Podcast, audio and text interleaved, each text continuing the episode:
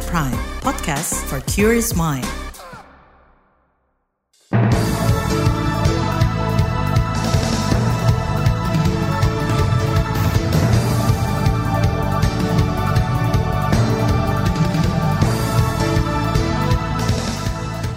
Selamat pagi saudara, senang sekali kami bisa menjumpai Anda melalui program Buletin Pagi edisi Senin 30 Oktober 2023. Saya Naomi Liandra. Sejumlah informasi pilihan telah kami siapkan di antaranya kasus cacar monyet diprediksi belum mencapai puncak. 95 persen warganet kecewa putusan MK soal batas usia capres-cawapres. Bandara Kertajati resmi beroperasi penuh. Inilah Buletin Pagi selengkapnya. Saudara kasus positif cacar monyet atau Mpox mencapai 21 kasus. Juri bicara Kementerian Kesehatan Siti Nadia Tarmizi mengatakan kasus terbanyak ditemukan di Jakarta, sedangkan satu kasus masing-masing ditemukan di Bandung, Jawa Barat, dan Tangerang, Selatan, Banten. Menurut Nadia, saat ini terjadi peningkatan tren kasus tapi belum sampai puncaknya. Berdasarkan penghitungan Kemenkes bersama ahli epidemiologi kasus Mpox di Indonesia bisa mencapai 3.600 kasus setahun.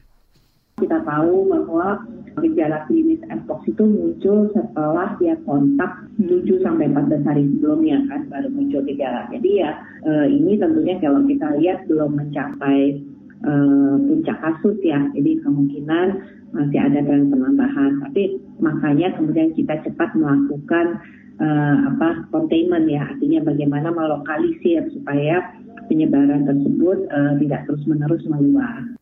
Juri bicara Kemenkes Siti Nadia Tarmizi menambahkan pemerintah bakal menggencarkan edukasi dan vaksinasi. Kata dia ada 480-an orang yang masuk kategori prioritas utama vaksinasi Mpox. Saat ini sudah ada 180-an orang yang sudah divaksinasi guna menekan risiko penularan. Nadia mengklaim tidak ada kendala dalam vaksinasi terhadap populasi kunci sebab dibantu banyak komunitas di masyarakat. Saudara pasien cacar monyet di Jakarta masih menjalani isolasi dan perawatan di rumah sakit. Hal itu disampaikan Kepala Seksi Surveillance Epidemiologi dan Imunisasi Dinas Kesehatan DKI Jakarta, Ngabila Salama. Saat ini ada 17 kasus uh, positif di DKI Jakarta, di mana 16 kasus aktif, satu sudah sembuh Agustus 2022 setelah isolasi selama 3 minggu. Tracing yang dilakukan tentunya menggali kontak erat, baik itu kontak erat di rumah, tempat kerja. Kepala Seksi Surveillance Epidemiologi dan Imunisasi Dinkes Jakarta, Ngabila Salama, mengimbau masyarakat segera melapor ke layanan kesehatan bila memiliki gejala awal cacar monyet seperti demam, nyeri otot, dan sakit punggung. Guna menekan penularan kasus, Dinkes Jakarta memberikan 100 dosis vaksin untuk kelompok berisiko, yaitu lelaki seks dengan lelaki LSL, ibu hamil, hingga lansia. Kata Ngabila, total penerima vaksinasi mencapai 50 persen dari total target, hampir 500 orang. Sementara itu, anggota Komisi Kesehatan DPR Rahmat Handoyo meminta vaksinasi terhadap kelompok berisiko cacar monyet terus digencarkan. Politikus PDI Perjuangan ini mendesak pemerintah melakukan langkah cepat dan tepat untuk memberantas cacar monyet. Kemudian bagaimana mencegah penularan itu, itu yang paling utama dan paling penting bagi yang sudah terkena. Nah, cacar monyet itu kan yang memang lebih banyak ke spesifik kepada mayoritas kepada hubungan e, seksual ya. Nah, ini harus kita benar-benar kita mitigasi. Nah, itu nah setelah mereka tahu dan mereka strategi pemerintah untuk diberikan vaksin untuk sasaran yang tepat dan sesuai dengan yang diharapkan, saya kira kita juga akan bisa minimalkan. Anggota Komisi Kesehatan DPR Hamad Handoyo menyebut akan segera memanggil Kemenkes terkait upaya penanganan dan pencegahan cacar monyet. Lebih lanjut, politikus PDIP ini mengimbau masyarakat menerapkan perilaku hidup bersih dan sehat. Saudara epidemiolog dari Universitas Griffith Australia, Diki Budiman, mendorong pemerintah menggecarkan tes dan penelusuran kasus aktif cacar monyet. Pasalnya kasus cacar monyet berpotensi menjadi pandemi jika pemerintah gagal mengantisipasi puncak penularan. Kemudian isolasi dilanjut dengan isolasi karantina termasuk vaksinasi cincin. Ini kalau tidak dilakukan ya ini akan membuat penyakit ini cenderung akan terus menyebar dan bertambah banyak dan yang akhirnya menjadi terus epidemi yang sulit untuk dikendalikan gitu. Nah itu yang harus dilakukan oleh pemerintah dengan juga melibatkan LSM, NGO ya yang selama ini sudah ikut aktif sebetulnya di penyakit HIV ya. Itu tadi epidemiolog dari Universitas Griffith Australia Diki Budiman. Di sisi lain, pengurus besar Ikatan Dokter Indonesia meminta pemerintah memastikan ketersediaan obat antivirus maupun vaksin terdistribusi merata ke daerah-daerah prioritas. Saudara, 95 persen warganet kecewa putusan batas usia capres-cawapres. Informasinya hadir usai jeda, tetaplah di Buletin Pagi KBR. You're listening to KBR Pride, podcast for curious mind. Enjoy!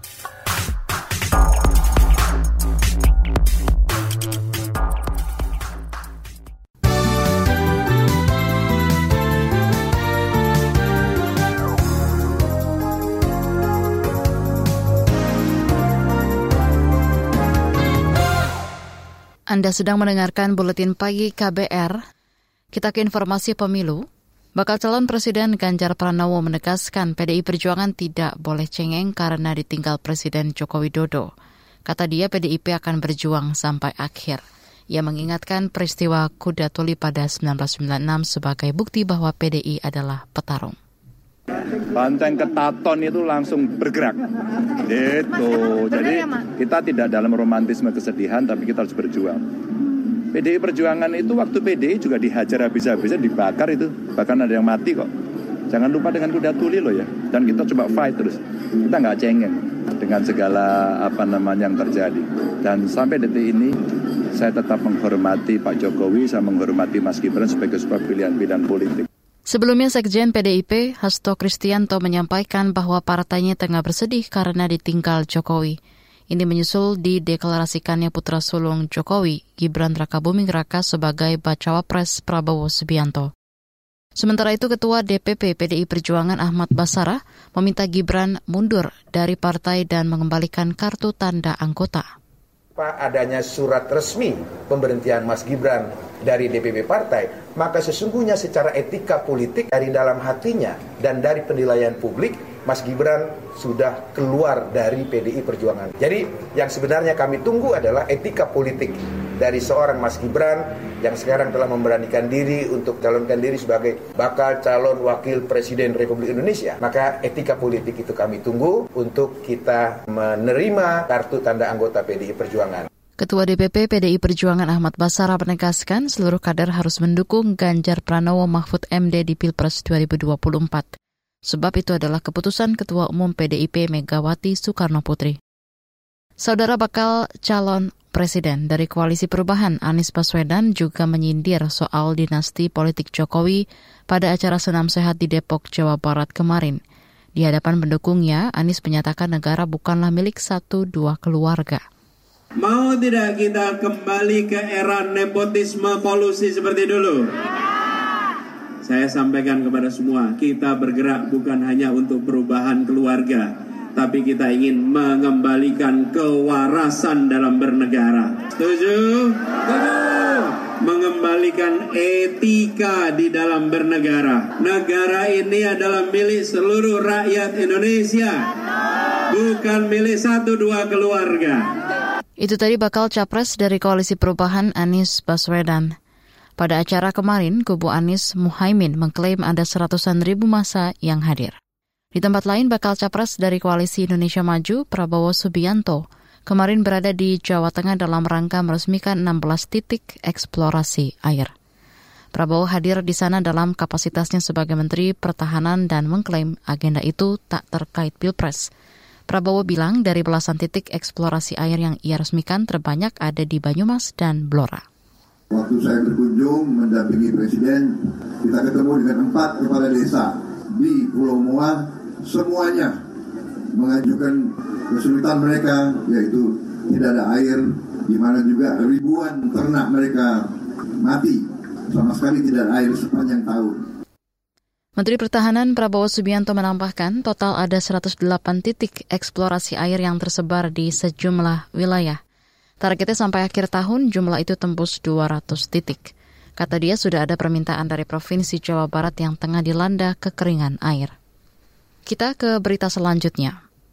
Sebanyak 95 persen warganet kecewa dengan keputusan MK terkait batas usia capres-cawapres.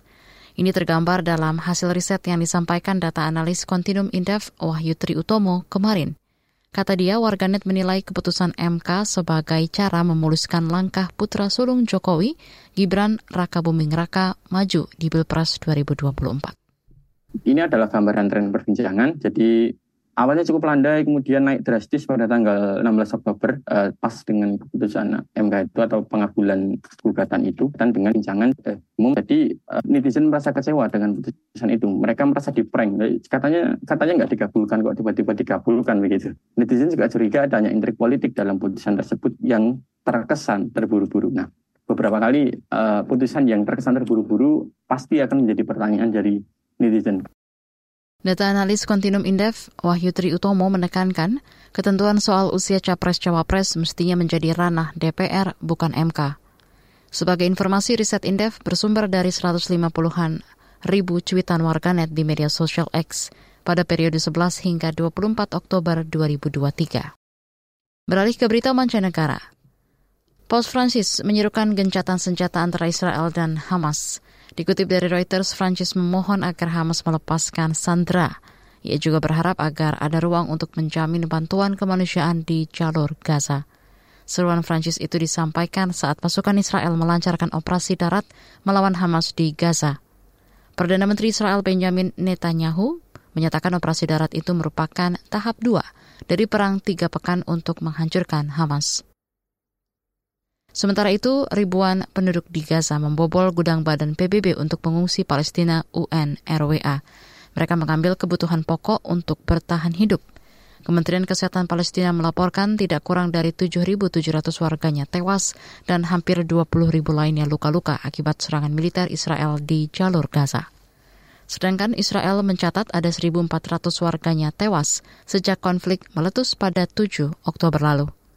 Sebanyak 30 jurnalis juga dilaporkan tewas selama meliput perang tersebut. Beralih ke berita olahraga. Pebulu tangkis tunggal putra Indonesia Jonathan Christie menjuarai turnamen French Open 2023 usai mengalahkan pemain Cina Li Shifeng 16-21, 21-15, dan 21-14. Ini merupakan gelar pertama Jojo di kejuaraan level 750. Kemenangan tersebut disambut positif mengingat Jojo mencatat hasil sangat mengecewakan di Asian Games dan Denmark Open. Di partai lain, ganda putra Bagas Maulana Sohibul Fikri kembali finish sebagai runner-up. Mereka kalah dari unggulan ketujuh asal Denmark, Astrup Rasmussen, dalam laga tiga game, 14-21, 21-10, dan 18-21. Beralih ke sepak bola Liga Inggris. Manchester United tumpang dalam pertandingan derby melawan Manchester City. Bertindak sebagai tuan rumah, Setan Merah malah takluk 0-3 di Old Trafford. Erling Haaland mencetak dua gol dan Phil Foden satu gol melengkapi kemenangan The Citizen. Dengan hasil ini Manchester City naik ke peringkat ketiga klasemen dan hanya kalah agresivitas gol dari Arsenal yang berada di peringkat kedua. Sedangkan puncak klasemen masih dihuni Tottenham Hotspur. Masih dari dunia sepak bola, PSSI mengklaim persiapan Piala Dunia U17 sudah 100 persen. Hal itu diungkapkan Ketua Umum PSSI Erick Thohir kemarin. Kata dia Indonesia selaku penyelenggara mendapat apresiasi dari FIFA. Mudah-mudahan kita bisa menyajikan pembukaan terbaik sepanjang sejarah U17. Karena kalau Indonesia kalau bikin acara biasanya terbaik terus ya.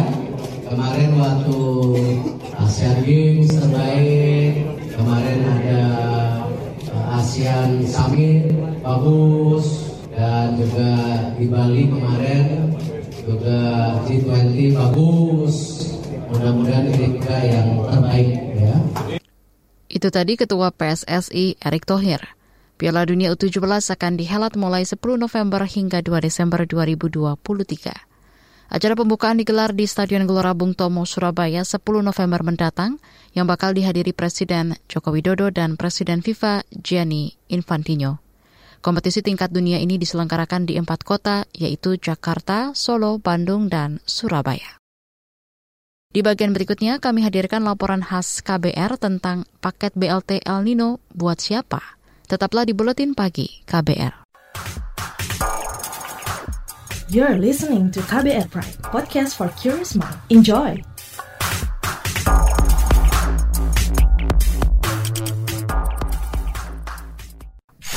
Commercial break. Commercial break. Pah, ini kok macet banget ya? Tumben. Kayak baru pertama kali aja kena macet mah. Ini kan makanan sehari-hari. ah, papa nih. Bikin mama tambah sepaneng aja. Ini udah mau jam 9 loh, Mah. Duh, papa telat deh. Papa kan masuk kantornya jam 10. Belum telat dong. Bukan masalah ngantor, Mah. Papa nggak mau telat dengerin talk show ruang publik KBR. Tolong dong, Mah, puterin channel radionya. Holah, papa, papa. Ruang Publik KBR, talk show yang membahas beragam tema menarik dan informatif, menghadirkan narasumber kompeten. Anda bisa mendengarkan setiap Senin sampai dengan Jumat, pukul 9 sampai 10 waktu Indonesia Barat. Hanya di 100 radio jaringan KBR di seluruh Indonesia.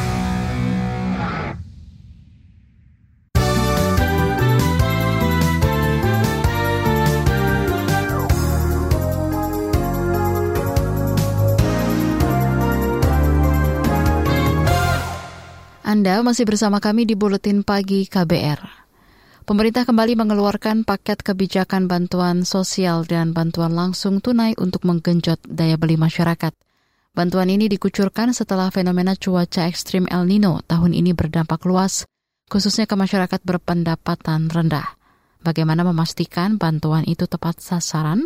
Berikut laporan khas KBR disusun jurnalis Heru Haitami. Kekeringan panjang yang disebabkan Super El Nino membuat produksi pertanian dalam negeri menurun. Berkurangnya pasokan menyebabkan harga-harga pangan meningkat dan mengurangi daya beli masyarakat. Guna menjaga daya beli masyarakat itu, pemerintah berencana kembali mengucurkan bantuan langsung tunai atau BLT ke masyarakat. Rencana itu disampaikan Presiden Joko Widodo saat meninjau stok beras di Kota Padang, Sumatera Barat. Karena ada Super El Nino, dan kita tahu ini jangan sampai mengurangi daya beli rakyat, daya beli masyarakat. Kita juga akan mengeluarkan BLT El Nino pada bulan November dan Desember 200 ribu, 200 ribu. 400 ribu. Anggaran yang disiapkan pemerintah untuk BLT El Nino mencapai lebih dari 7,5 triliun rupiah. Menteri Keuangan Sri Mulyani mengatakan bantuan akan dibagikan ke lebih dari 18 juta warga miskin selama November hingga Desember. Besaran uang yang dibagikan Rp200 ribu rupiah per bulan per orang atau Rp400 ribu rupiah untuk dua bulan. Kita semuanya tahu bahwa kondisi yang terjadi dengan harga komoditas yang melonjak, terutama dengan El Nino tadi harga beras yang naik, yang menyebabkan tekanan inflasi tinggi, yang di negara-negara maju diikuti dengan suku bunga yang melonjak tinggi sangat drastis, dan outlook dari perekonomian global terutama negara-negara maju yang melemah menimbulkan dampak yang sangat terasa di dalam perekonomian dan masyarakat kita. Apakah itu terutama dari sisi daya beli, terutama karena stabilitas harga mengalami tekanan dan dinamika sesuai dengan situasi global, maka APBN perlu untuk memberikan perlindungan dengan penebalan bansos. Selain bantuan langsung tunai atau BLT El Nino, pemerintah juga akan memberikan bantuan beras bagi 21 juta kelompok penerima manfaat. Bantuan berupa 10 kg beras dengan total anggaran 2,6 triliun rupiah. Menteri Keuangan Sri Mulyani berharap bantuan ini bisa menjaga daya beli masyarakat, menstabilkan harga, dan mengendalikan inflasi. Namun kalangan DPR menilai bantuan beras maupun bantuan BLT El Nino tidak cukup untuk mengatasi masalah yang muncul di masyarakat. Ketua Badan Anggaran DPR RI Said Abdullah mengatakan, masalah utama yang terjadi adalah ketergantungan Indonesia akan bahan impor, baik bahan pangan maupun minyak bumi. Menurut Said, Indonesia menghadapi masalah impor yang belum berhasil ditangani pemerintah selama hampir 10 tahun terakhir. Ia mengatakan turunnya produksi pangan akibat El Nino dan naiknya harga beras menyebabkan inflasi. Said menilai kondisi ini menunjukkan program pemerintah terkait pangan belum efektif. Di sisi lain, pemerintah juga masih dihadapkan masalah akurasi data penerima manfaat bantuan sosial.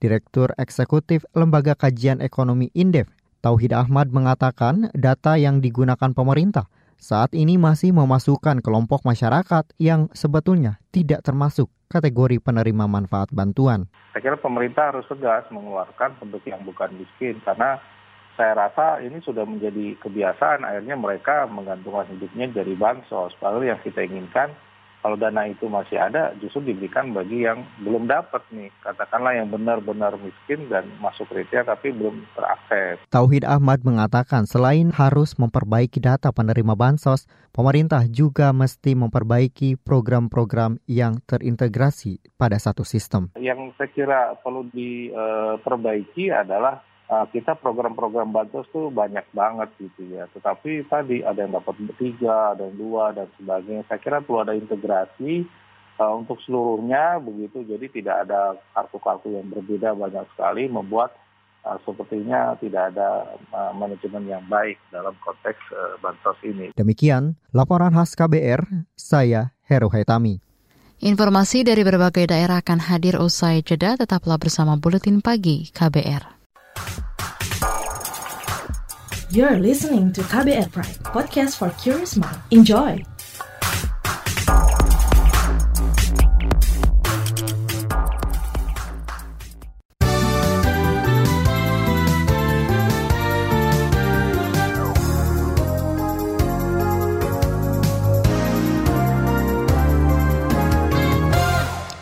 Inilah bagian akhir buletin pagi KBR.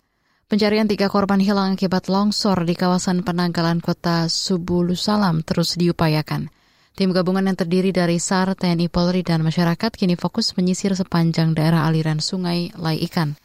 Sebelumnya mereka sudah membongkar longsoran yang berada di jurang sedalam 30 meter, namun hasilnya nihil.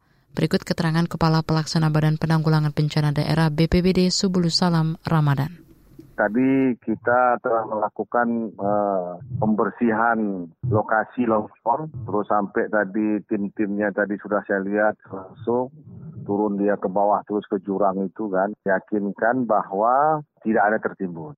Kepala Pelaksana BPBD Subulu Salam, Ramadan menambahkan selain korban hilang, longsor juga menyebabkan dua warga luka-luka. Kita ke Jawa Barat. Bandara Internasional Jawa Barat BIJB Kertajati di Majalengka resmi beroperasi penuh ditandai dengan penerbangan pertama pada minggu kemarin. Pengoperasian ini merupakan peralihan dari Bandara Hussein Sastra Negara Bandung. Menteri Perhubungan Budi Karya Sumadi mengklaim tingkat keterisian penumpang atau okupansi mencapai 80 persen. Saya bahagia sekali akhirnya kita secara resmi melakukan penerbangan pertama di Kertajati dan alhamdulillah dengan suatu volume yang relatif baik ya untuk satu bandara pertama kali yaitu 20 take off landing. Ini suatu volume yang banyak apalagi okupansinya 80 persen. Menteri Perhubungan Budi Karya menyebut BICB Kertajati merupakan bandara terbesar kedua di Indonesia setelah Bandara Soekarno-Hatta. Pengoperasiannya diperkirakan bakal menarik 2.300 penumpang. Bandara ini juga diharapkan bisa melayani perjalanan haji dan umroh serta penerbangan ke luar Jawa. Beralih ke Jawa Tengah, upaya pemadaman kebakaran hutan dan lahan di Taman Nasional Gunung Merbabu terkendala keterbatasan alat.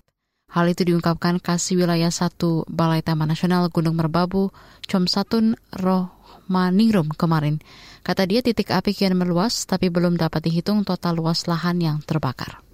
Uh, belum bisa kami prediksi ya, karena api masih terus berjalan, jadi kami belum bisa prediksi untuk sudah berapa. Kami ini masih terkendala berdasarkan alat, tetapi kami berusaha untuk semaksimal mungkin kami melakukan pemadaman dengan peralatan yang memang sudah ada. Kasih Wilayah 1 Balai Taman Nasional Gunung Merbabu, Jom Satun Rohmaningrum, memastikan terus berkoordinasi dengan pihak terkait guna rangka memadamkan karhutla. Hingga kini, petugas belum dapat memastikan penyebab karhutla. Guna mencegah korban, jalur pendakian yang terdampak karhutla sudah ditutup. Informasi tadi menutup jumpa kita di Buletin Pagi hari ini. Pantau informasi terbaru melalui kabar baru, situs kbr.id, Twitter kami di akun berita KBR, serta podcast di kbrprime.id. Saya Naomi Liandra bersama tim yang bertugas undur diri. Salam.